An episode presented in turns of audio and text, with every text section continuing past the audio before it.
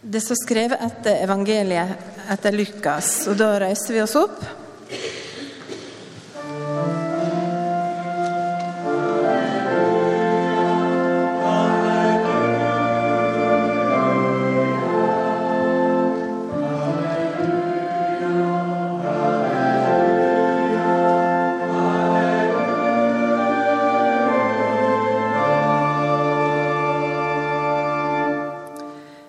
Jesus sa, en mann hadde to sønner.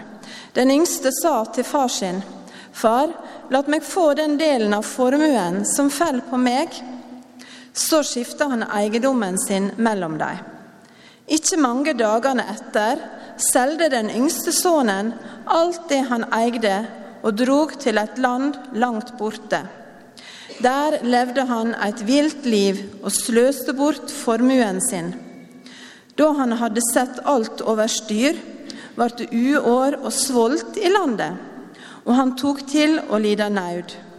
Han gikk da til en av mennene der i landet og ba om arbeid. Og mannen sendte han ut på markene sine for å gjete grisene. Han ønsket bare å få metta seg med de belgfruktene som grisene åt, men ingen ga han noe. Da gikk han i seg sjøl og sa, hvor mange leiekarer hjemme hos far min har ikke fulgt opp av mat, og her går jeg og svelter i hjel? Jeg vil bryte opp og gå hjem til far min og sie, Far, jeg har synda mot himmelen og mot deg. Jeg er ikke verdt å kalle sønnen din lenger, men la meg få være som en av leiekarene dine. Så brøt han opp og gikk hjem til far sin. Medan han enda var langt borte, fikk faren se han, og han fikk inderlig medkjensle med han. Han sprang imot han, kasta seg om halsen på han og kysta han. Da sa sønnen, Far, jeg har synda mot himmelen og mot deg. Jeg er ikke verd å kalle sønnen din lenger. Men faren sa til tjenerne, Skund dykk, finn fram de beste klærne og ha dem på han, og la han få ring på fingeren og skor på føttene. Hent så gjøkalven og slakt han, og la oss holde måltid og feire. For denne sønnen min var død og har blitt levende. Han var bortkommen og er attfunnen. Og så tok festen og gleda til. Den eldste sønnen var ute på marka. Da han gikk hjemover og nærma seg gården, hørte han spel og dans. Han ropa på en av karene og spurte hva som sto på. Bror din er kommet, svarer han, og far din har slakta gjøkalven fordi han fikk han velberga hjem. Da ble han sint og ville ikke gå inn. Far hans kom ut og prøvde å overtale han, men han svara attende. Nå har jeg tjent deg i alle år og aldri sett meg opp mot dine båd. Men meg har du ikke gjeve så mye som et kje, så jeg kunne holde fest sammen med vennene mine. Men når han kommer hjem, denne sønnen din som har sløst bort pengene dine i lag med horer, da slakter du gjøkalven for han. Da sa far hans, du er alltid hos meg, barnet mitt, alt mitt er ditt. Men nå må vi holde fest og være glade, for denne bror din var død har blitt levende, han var bortkommen og er attfunnen. Slik lyder det hellige evangeliet.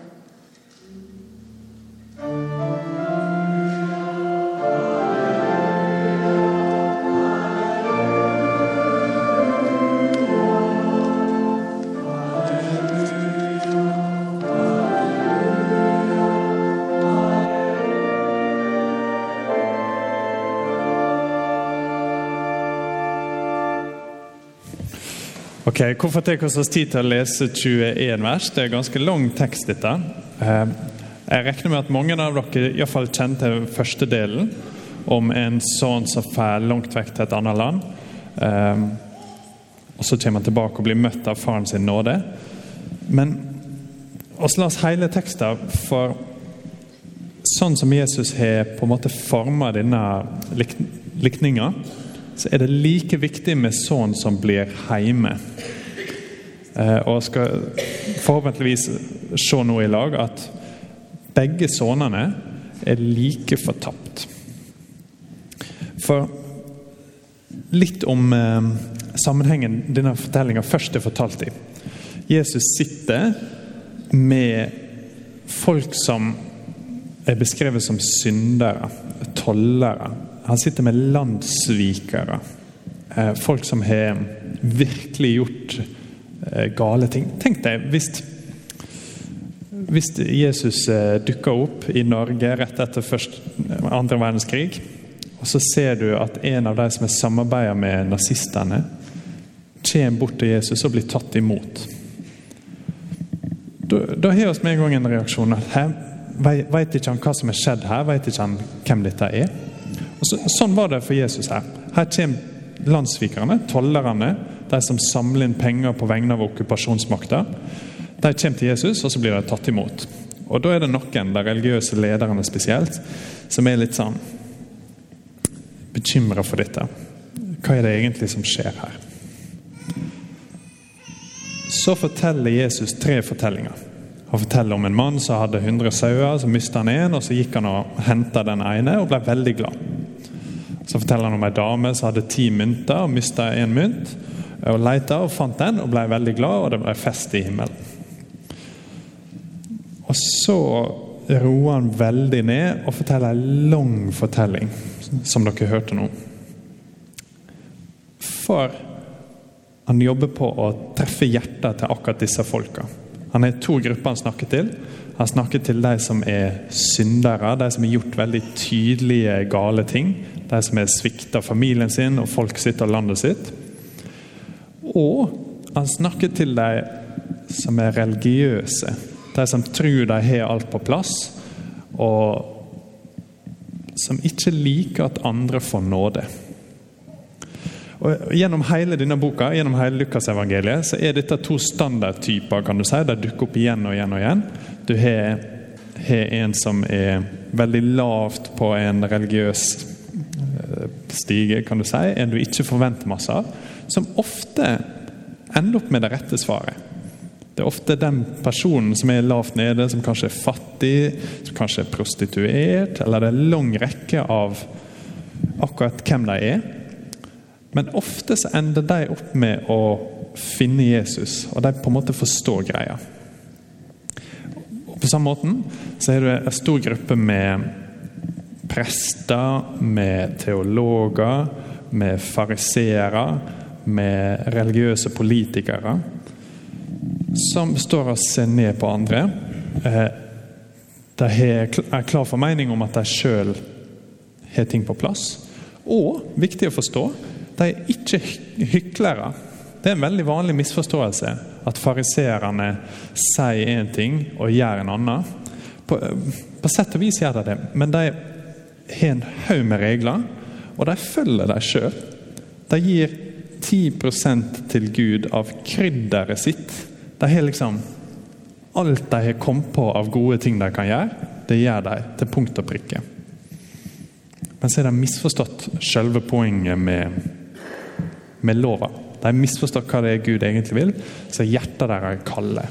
Og de liker ikke når andre får nåde. Og Det handler fortellinga om, ikke sant? Du, du har en sønn som kommer til faren sin, og så sier han i korte trekk Pappa, det hadde vært bedre for meg hvis du var død, sånn at jeg bare kunne fått pengene dine. Så kan du ikke bare gi meg pengene nå. Omtrent det mest fornærmende du kan si, og sett på som veldig uklokt å gi vekk arven tidlig. og Du ser hvorfor i fortellinga. Eh, for han tar den tidlig, og så gjør han noe som er direkte ulovlig. Han selger den og går og bruker opp eh, pengene. Og så får vite fra den store storebroren senere at han har brukt det på prostitusjon, han har brukt det på vill festing. han har rett og slett levd et utsvevende liv og kasta det vekk. Til og med så forlater han landet sitt du har tekster bak på arket ditt hvis du vil se. Han, eh, I vers 13 så står det at han drog til et land langt borte. Så han er på en måte Hvis det er et arena det går an å på en måte svikte familien sin, svikte faren sin, eh, svikte landet sitt, folk sitt, så har han gjort det. Så han er langt vekke og tror at alt er fint. Så raser det sammen, sånn som det alltid gjør, og så går han i seg sjøl og tenker Hvis jeg var hjemme, så kunne jeg iallfall vært en uh, tjener. Jeg kunne vært en leiekar. Jeg kan aldri bli sånn igjen pga. det jeg har gjort. Men jeg kan iallfall fare hjem og si Hei, husker du meg? Kan jeg få jobbe for deg? Ikke sant? Så går han hjem, og så ser faren han langt vekke. Så faren har stått og venta på han, venter på akkurat dette øyeblikket. Og han springer han i møte. Jødiske menn springer ikke, så her er det skikkelig Han mister på en måte alle hemninger. Og så gir han han sine egne klær. Han gir han eh, familieringen. Han gir han sko på føttene. Det står masse sånne detaljer som egentlig bare betyr at faren vil ikke høre noe snakk om at han skal være tjener. Ingen tjener har familieringen og sko på føttene og faren sine klær. Her er sønnen kom hjem. Sønnen skal få nåde, og det skal bli en fest. Så Måten Jesus har satt opp fortellinga på, så er han langt vekke. Så har han en omvendelse og blir møtt av massiv nåde og en fest. Så Jesus sier ikke at det er en god idé å fare til andre land og leve utsvevende og sånn, selv om å reise kan være en god ting.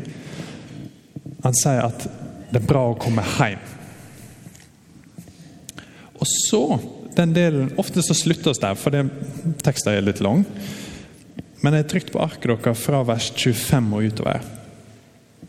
For da snakker Jesus til den andre gruppa. Mens han forteller dette, så ser han på dem han prøver å vinne hjertet der. Han prøver liksom å strekke ut en hånd til dem. Så han sier ok, det var en eldre sønn også, som var hjemme.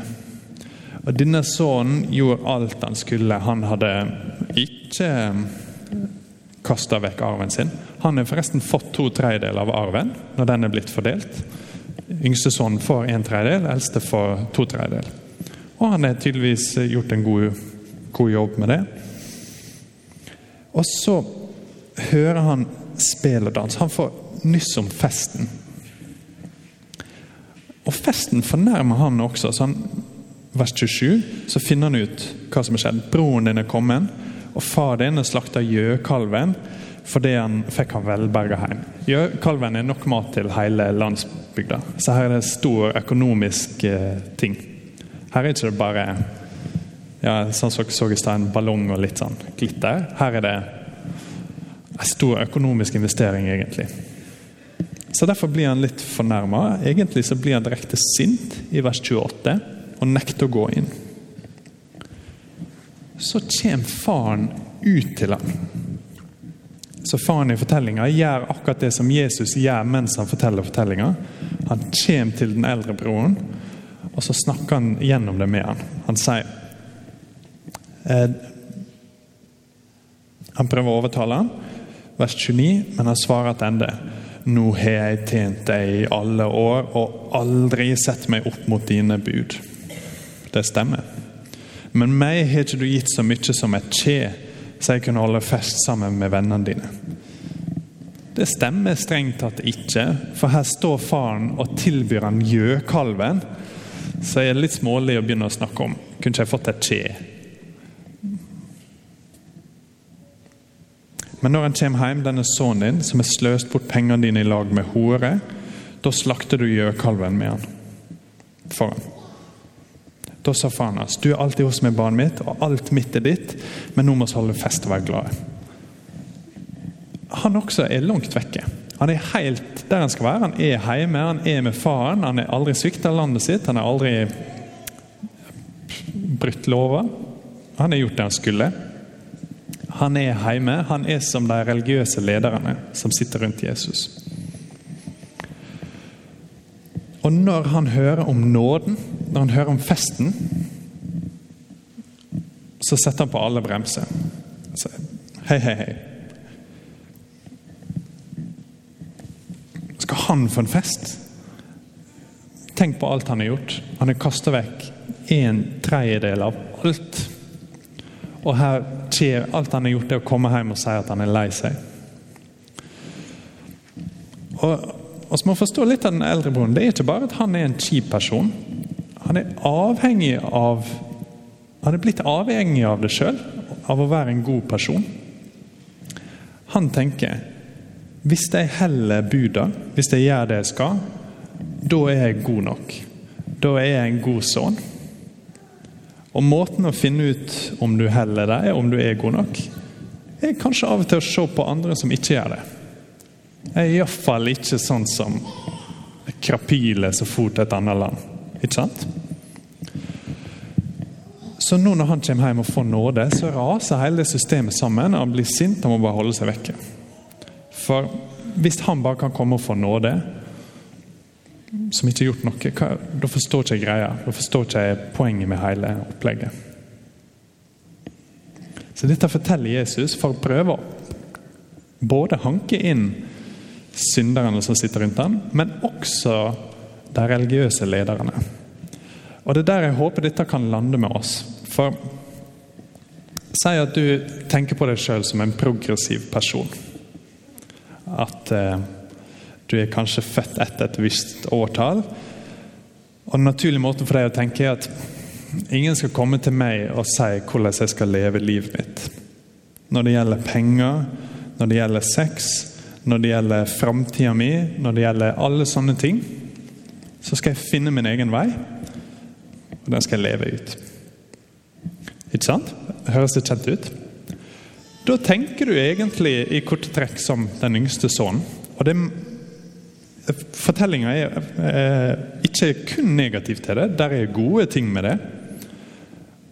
Men for å komme til festen så krever det ei omvending. Du må faktisk Hvis du er langt vekke, hvis til og med Gud ikke skal få si noe om hvordan du skal leve ditt liv, så trenger du å komme hjem til far og se hans nåde. Og finne en fest der du blir satt fri til å bli den du virkelig er. Til å finne ut hvem du virkelig er i han. Men det er mange som er i den gruppa, mange som oss kan si er yngre brødre, ofte tenker, er ikke det at Gud inviterer deg til en fest. De tenker at Gud inviterer deg til å bli som storebroren. Til å bli sånn som de religiøse folka som ser ned på alle og tror de er så masse bedre. Det er ikke det som er poenget i det hele tatt. Den yngre broren skal ikke bli som storebroren. Han skal komme til festen. Så det er noe helt annet. Eller det kan hende du tenker på deg sjøl som en mer tradisjonell person. At eh, For deg så er det viktig med familie. For så er det viktig med ja, kanskje samfunnet og bygda og hva folk tenker om deg. Du lever ikke et liv uten å tenke på andre folk. Men kanskje er du da en gruppe som har de samme farene som den eldre broren. At det går an å begynne å sammenligne seg med andre folk og se ned på dem og tenke Jeg vet iallfall at jeg er på plass, for jeg er ikke sånn som Ikke sånn som hvem? Ikke sånn som de som ikke får det til. Og så kan det bli stolthet, og vi kan bli avhengig av det. At vi finner vår egen identitet av at vi er en religiøs, flink person, eller at ting er på plass. Like skummelt. Kanskje det er skumlere. For den første gruppa er langt vekke, og alle vet det. Den andre gruppa kan se ut som de er hjemme, uten at de er det. Eh, filosofer og sosiologer snakker masse om, om eh, disse gruppene fortsatt i dag. Du har en, eh, for eksempel, så er det en kanadisk filosof som heter Charles Taylor. Som sier at nå kan vi tenke på den tida vi er inne i, som den autentiske tid. Det er viktig å uttrykke sin egen individualitet.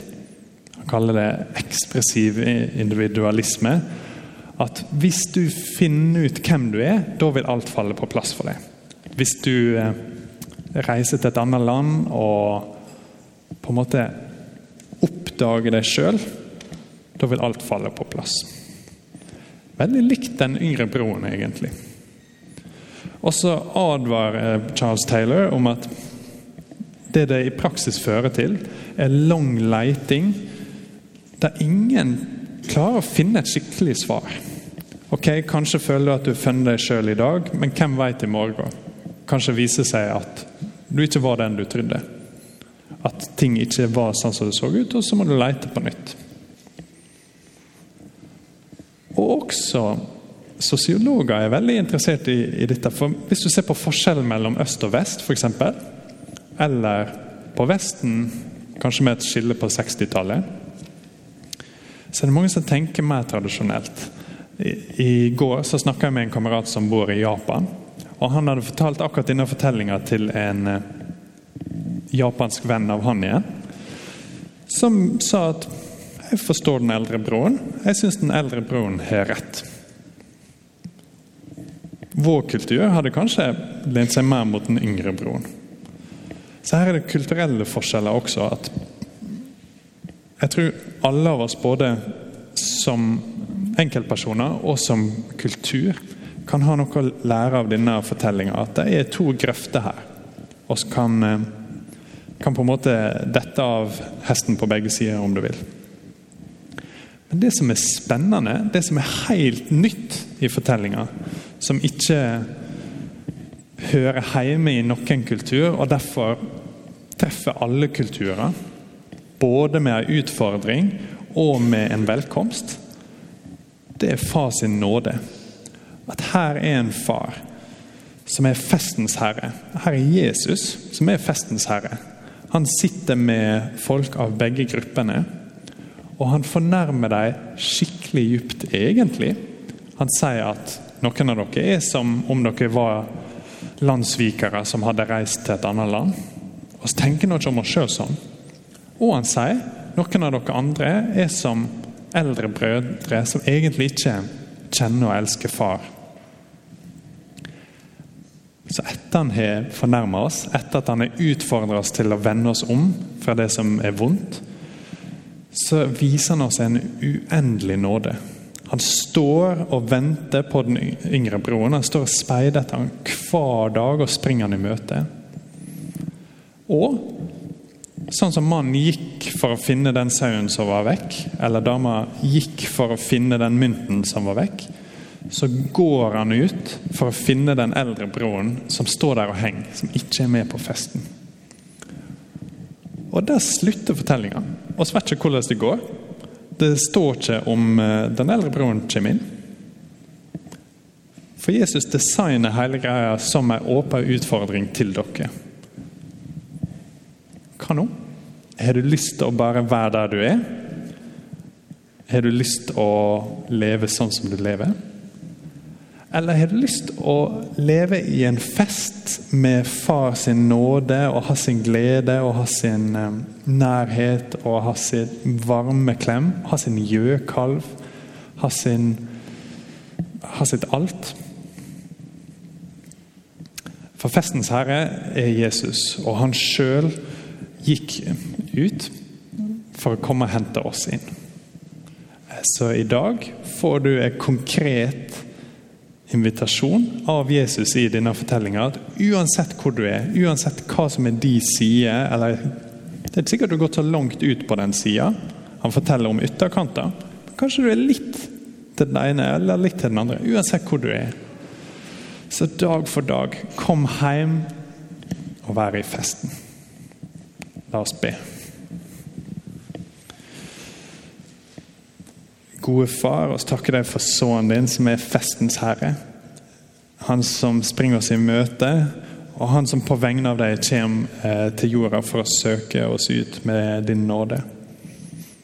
For oss har ikke lyst til at den åpne slutten bare skal henge, så har sjøl lyst til å si ja til deg, så har lyst til å komme til deg og forplikte oss sjøl til å være med deg, for du er god, og din nåde tar aldri slutt.